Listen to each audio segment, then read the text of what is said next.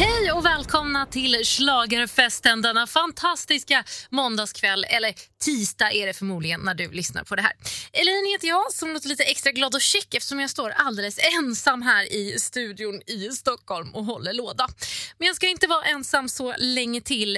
I Tel Aviv har jag ju min fantastiska andra hälft av den här slagerpodden, nämligen Anders Ringqvist. Han har varit där och eh, kollat läget. Vi ska få en lägesrapport ifrån honom och så har vi en alldeles speciell gäst med oss som får ersätta mig lite nere i Tel Aviv.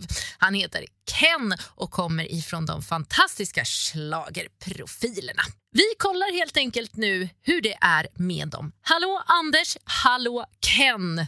Hallå Elaine! Hej Elaine! Hur har ni det i Tel Aviv? Ja, det är fantastiskt. Eh, det är väldigt varmt har vi det i Tel Aviv. Det är väldigt varmt och det är väldigt dyrt. Ja. Eh, Och det är väldigt roligt. Ja, det är en bra koll. Ja. Det varma väger upp det dyra. Ja, det är det verkligen. Ja. Ja. Men mer viktigt är väl kanske hur har John Lundvik det i Tel Aviv? För det har ju ni koll på. Ja, men jag tror att John har det alltså, alldeles fantastiskt. Jag tror att hela svenska delegationen är väldigt, väldigt mycket precis där de vill vara just nu i liksom, den här två veckors perioden som de är här. Hela, både John och The Mamas och hela delegationen vill liksom verkligen gå runt och, och njuta och har ett jätteskönt självförtroende i, i vad de ska göra. De syns ganska mycket. Man märkte på röda mattan, eller ja, den orangea mattan var det ju igår, de är populära. Det har ju varit en av de stora snackisarna under veckan att Sverige har klättrat så mycket på oddsen. Och nu är andrahandsfavorit just nu efter Holland som nu har legat etta ja, sen den låten presenterades. Och att man dessutom har närmat sig Holland. Så att Sverige har ju varit lite grann en av raketerna så att säga sen repetitionerna började här. Man kan säga att Sverige är det här året Fuego. Eh, om ni minns förra året när vi åkte till eh, Lissabon och alla snackade om Israel och sen plötsligt pratade alla bara om Cypern hela veckan. Och det är lite så som har hänt här. Att, eh, vi hade en knippe låtar som låg lite olika på oddset där Sverige låg någonstans femma, sexa. Men sen kom det ut, eh, alla ser hur bra den där låten faktiskt är när den är live. Att den har ett extra snäpp med eh, The Mamas. Vilket gör att eh, men det har funkat och också det är väldigt mycket teknikstrul. Många delegationer har jättemycket problem med sina nummer, med tekniken. Men Sverige har lyckligtvis klarat sig från det. Istället har vi slängt upp ett nummer som är snyggare än det vi gjorde i Mello. Och eh, jag tror att det där gänget aldrig har känts liksom bättre. Så att även om, om vi minns det liksom som väldigt bra från Mello så är det ännu bättre nu. Men det är ju helt fantastiskt. Ja, Jag men blir alldeles exempel då- Vad skönt att vi kunde sprida lite värme för Sverige också. Exakt! Nej, men bara som exempel på hur många länder som har problem. Jag tror att vi har räknat till åtminstone sex eller sju länder som har fått göra extra repetitioner i år, vilket liksom nästan aldrig händer. Eh, och, och bara för att det inte har fungerat. Malta, efter sin första repetition, skrotade hela numret. De hade tagit med sig en stor extra LED-skärm. Den kastade de, tillbringade fyra liksom, dagar och nätter i en repetitionslokal och liksom började om från början helt enkelt. Men det är ju det helt är sjukt. jättemånga länder som har jätteproblem, men inte Sverige. Nej, och jag minns ju Anders att du sa när vi hade vårt införavsnitt att ah, Elaine, det är ju sex sju länder som ska fejla för att Sverige ska ha en chans. Och nu har då sex sju länder failat kan man säga. Ja, som det ser ut nu. Men vi ska inte gå händelserna i förväg, utan det är en vecka kvar. Det är en eon av tid. Alla delegationer har åtminstone fyra, fem repetitioner kvar innan finalen. Många av de här sakerna går att lösa och går att rätta till.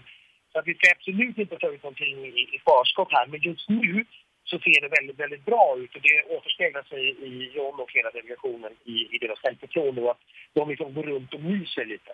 Ja, för vad har de gjort där nere under den här tiden som inte vi får vara med där nere så att säga? Ja, dels var det ju en eh, officiell öppning igår och då gick de på en orange matta. Jag vet inte, vad den nya trenden verkar vara att de byter färg varje år. Förra året var den blå, i år var den orange. Ja. Och då går man alltså i flera timmar eh, och träffar eh, fans och eh, press från olika länder. Så det har de gjort. De har också varit på svenska ambassaden, eller snarare hemma hos den svenska ambassadören och eh, träffat honom och mottagit och sjungit live där. De har varit på Euroclub, eh, som är den officiella klubben för alla som är ackrediterade, eh, och sjungit där. Eh, ja, de har ju ställt till med spontan gatukonsert faktiskt första kvällen de kom hit. Efter middagen så ställde sig Demamis ut på gatan. Och, ja, det, Ja, det och ni har ju varit Vi, vi, vi var med. inte med, men vi såg det på, på, på Instagram. Jag tänkte, men ni har varit med på det mesta som de har Ja, gjort. det är på det mesta. Man kan säga så här, alltså nu när första eh, deltävlingen drar igång, det är då det börjar på riktigt. Och det är då det börjar på riktigt i Sverige också. Även om inte vi är med nu i början så är det ju nu man går in mer i sin bubbla, att man liksom bara koncentrerar sig, det är inte några sena nätter och så vidare. Men det har man ju kunnat utnyttja nu lite i början. Så jag tror både jag och min mamma har varit lite överallt och haft ganska skoj och visat upp sig och eh, men bara njutit av att få vara Sveriges representant i Eurovision helt enkelt. Vi har varit och hängt lite på deras hotell också. De har en helt makalös takbar. Så med utsikt över den här magiska stan. Ja. Eh, och eh, där har de hängt. Där har de hängt, ja, det, ja, det har de hängt. Det är slut på det nu då, dock, tror ni? Nu blir det tidigt i säng för dem i fortsättningen. Nu, nu går de in i work mode och kommer inte ut för dem på ja, tidig söndag morgon. Nu Ja. har vi ramlat in andra svenskar här. Nu är Måns Zelmerlöw i, i stan, eh, Carola Häggkvist är i stan, Loreen väntas. Det är liksom ett helt eh, uppsamlingshit här av gamla Charlotte Perrelli. Charlotte Perrelli ska kommentera henne, har vi träffat på redan. Hon sjöng för övrigt också på den här eh, nordiska natten som eh, var en fest som var i början på veckan. Där då John givetvis eh, också uppträdde och Christer Sigfrid och alla de andra akterna från de nordiska länderna. Mm. Ehm, så det, det, är mycket, det är mycket andra svenskar som kommer ta över nu en liten stund medan John och de andra Mm. eh, Nu är det bara jag som saknas. det är bara du som saknar av. Ja, vad härligt. Jag får hålla ställningarna här istället. Men ni har sett semifinal 1-repet idag, eller hur? Jajamän. Och vad är ert utlåtande? Jag skulle säga att det här är den svagare deltävlingen. Ni som sitter hemma och tittar, eh, ni, ni kommer att märka att den tävlingen ni får rösta i, den är mycket, mycket roligare. Där finns det mycket större hits och där finns det också mycket fler vinnarkandidater. Eh, den här första är... Vi hade nästan svårt att skrapa ihop tio låtar som vi vill gå vidare till finalen, skulle jag säga. Många tycker jag underpresterar. Jag brinner ju väldigt mycket fortfarande för Island. Jag gillar Grekland. Och sen så avskyr jag Australien, men de har gjort någonting som gör att jag vill se det där numret om och om igen. Ah. Men det här är alltså, jag, jag också är precis på samma spår. här. Australien har varit en av de absolut värsta jag vet i år. Ja, jo, det är land- tydligt. Ja, men alltså, eh, ett, ett land som de har ändå skickat väldigt, väldigt bra pop sen de fick vara med och tävla. Och så hade de en första egen uttagning och så hittade de på något sånt här tramsbidrag med en operasångerska som står på en stor pinne. Och jag var ju så, så provocerad av detta. Och nu ser jag hur de har iscensatt det på den här scenen och jag är, jag är helt blown away. Låten är fortfarande bajs. Men alltså, jag vill också se det här numret om och om igen för det är så jävla häftigt. Ja, men vad kul, då har man någonting att se fram emot imorgon i alla fall. Om allt annat skulle suga så är i alla fall Australiens scennummer väldigt fint. Ja men gud, men så här är det också. Det är en väldigt hög lägstanivå. Så jag tycker inte någonting skiljer. Men det är, bara, det är bara det att det blir bättre och bättre. Alltså, eh, torsdagen är bättre och finalen kommer bli grym. För att då har vi ganska bort allt det där som vi måste eh, bråka med i semifinalerna. Och eh, Big Five har ju faktiskt skärpt till sig lite i år.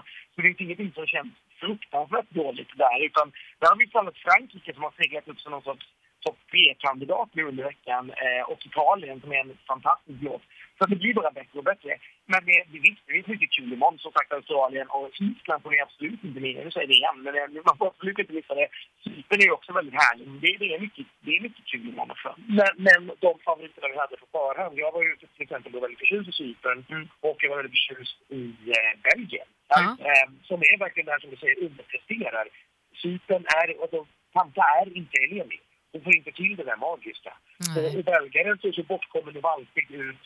Och de är dessutom sta- stageat det jättekonstigt med två stycken stora trummor. Så alltså, det finns knappt trummor i den här låten. Det verkar vara liksom lite årets trend att man stagear instrument som inte finns. Ja, Belgien har satt in trummor som inte ens behövs och tar på dem en jätte, jättestor jacka som man nästan försvinner i. Och eh, Holland då som vi kommer till som är kanske den stora megafavoriten nu på torsdag. Eh, de har med ett piano fast de inte har något piano i låten. Ja, det det hela blir så märkligt. Men, Oj. eh, om vi ska prata programmet som korthet. Eh, det är fyra stycken programledare. Det är nog en för mycket i ärlighetens namn, eller två för mycket. Men jag ska ändå säga att det var första rep som vi såg så tycker jag de skötte sig jättebra. Ja, det tycker jag också. Bra programledare. Har bra programledare. Och eh, en av killarna där, jag, jag är nästan lite kär i honom. Han eh, hängde runt lite på Euroclub där och ville att jag skulle ta bild på honom. Jag visste inte vem han var. Jag tyckte bara att han var en väldigt jobbig människa. Varför ska jag ta bild på dig? Jag bara, du måste ta en bild, en selfie med mig. Och jag bara, okej. Det sig då att han är en av de absolut största eh, kändisarna de har här i Israel. Och eh, han är också en av de mest eh, hundra inflytelserika eh, hbtq-personerna i världen enligt Out. Att, eh, Ja. okej, jag, jag, jag skulle nog tagit en bild med honom, men, men han är väldigt, väldigt rolig, väldigt, väldigt charmig och han var också väldigt, väldigt bra som programledare. Men vad roligt att höra att det inte som det kan bli i vissa länder är liksom en trainwreck med själva programmet utan att det känns ändå bra. Ja, men det är det faktiskt. Ja, det skulle jag säga. Och det var dessutom faktiskt första det. Man ska ju repa jättemycket mer innan sändning. Så, Såklart. och för att tajta till lite ytterligare. Men det, de har absolut eh, kommit långt. Jag ska släppa iväg er på ytterligare festligheter fast nu då utan John och the Mamas som måste vila. Och så hörs vi igen på onsdag inför den stora delfinalen med Sverige. Det gör vi. Ja, puss hej! dig först. Och ni följer ju såklart Schlagerfesten på Instagram och Facebook. Anders uppdaterar framförallt Instagram med alla de här härliga grejerna som han har berättat om att han är med på. Han kommer fortsätta vara med på grejer i Tel Aviv så vill ni följa det lite mer direkt då gör ni det på Instagram. Där heter vi Slagerfesten. Vi kommer återkomma onsdag kväll, torsdag dag med uppdateringar inför Sveriges semifinal. Heja John and the Mamas!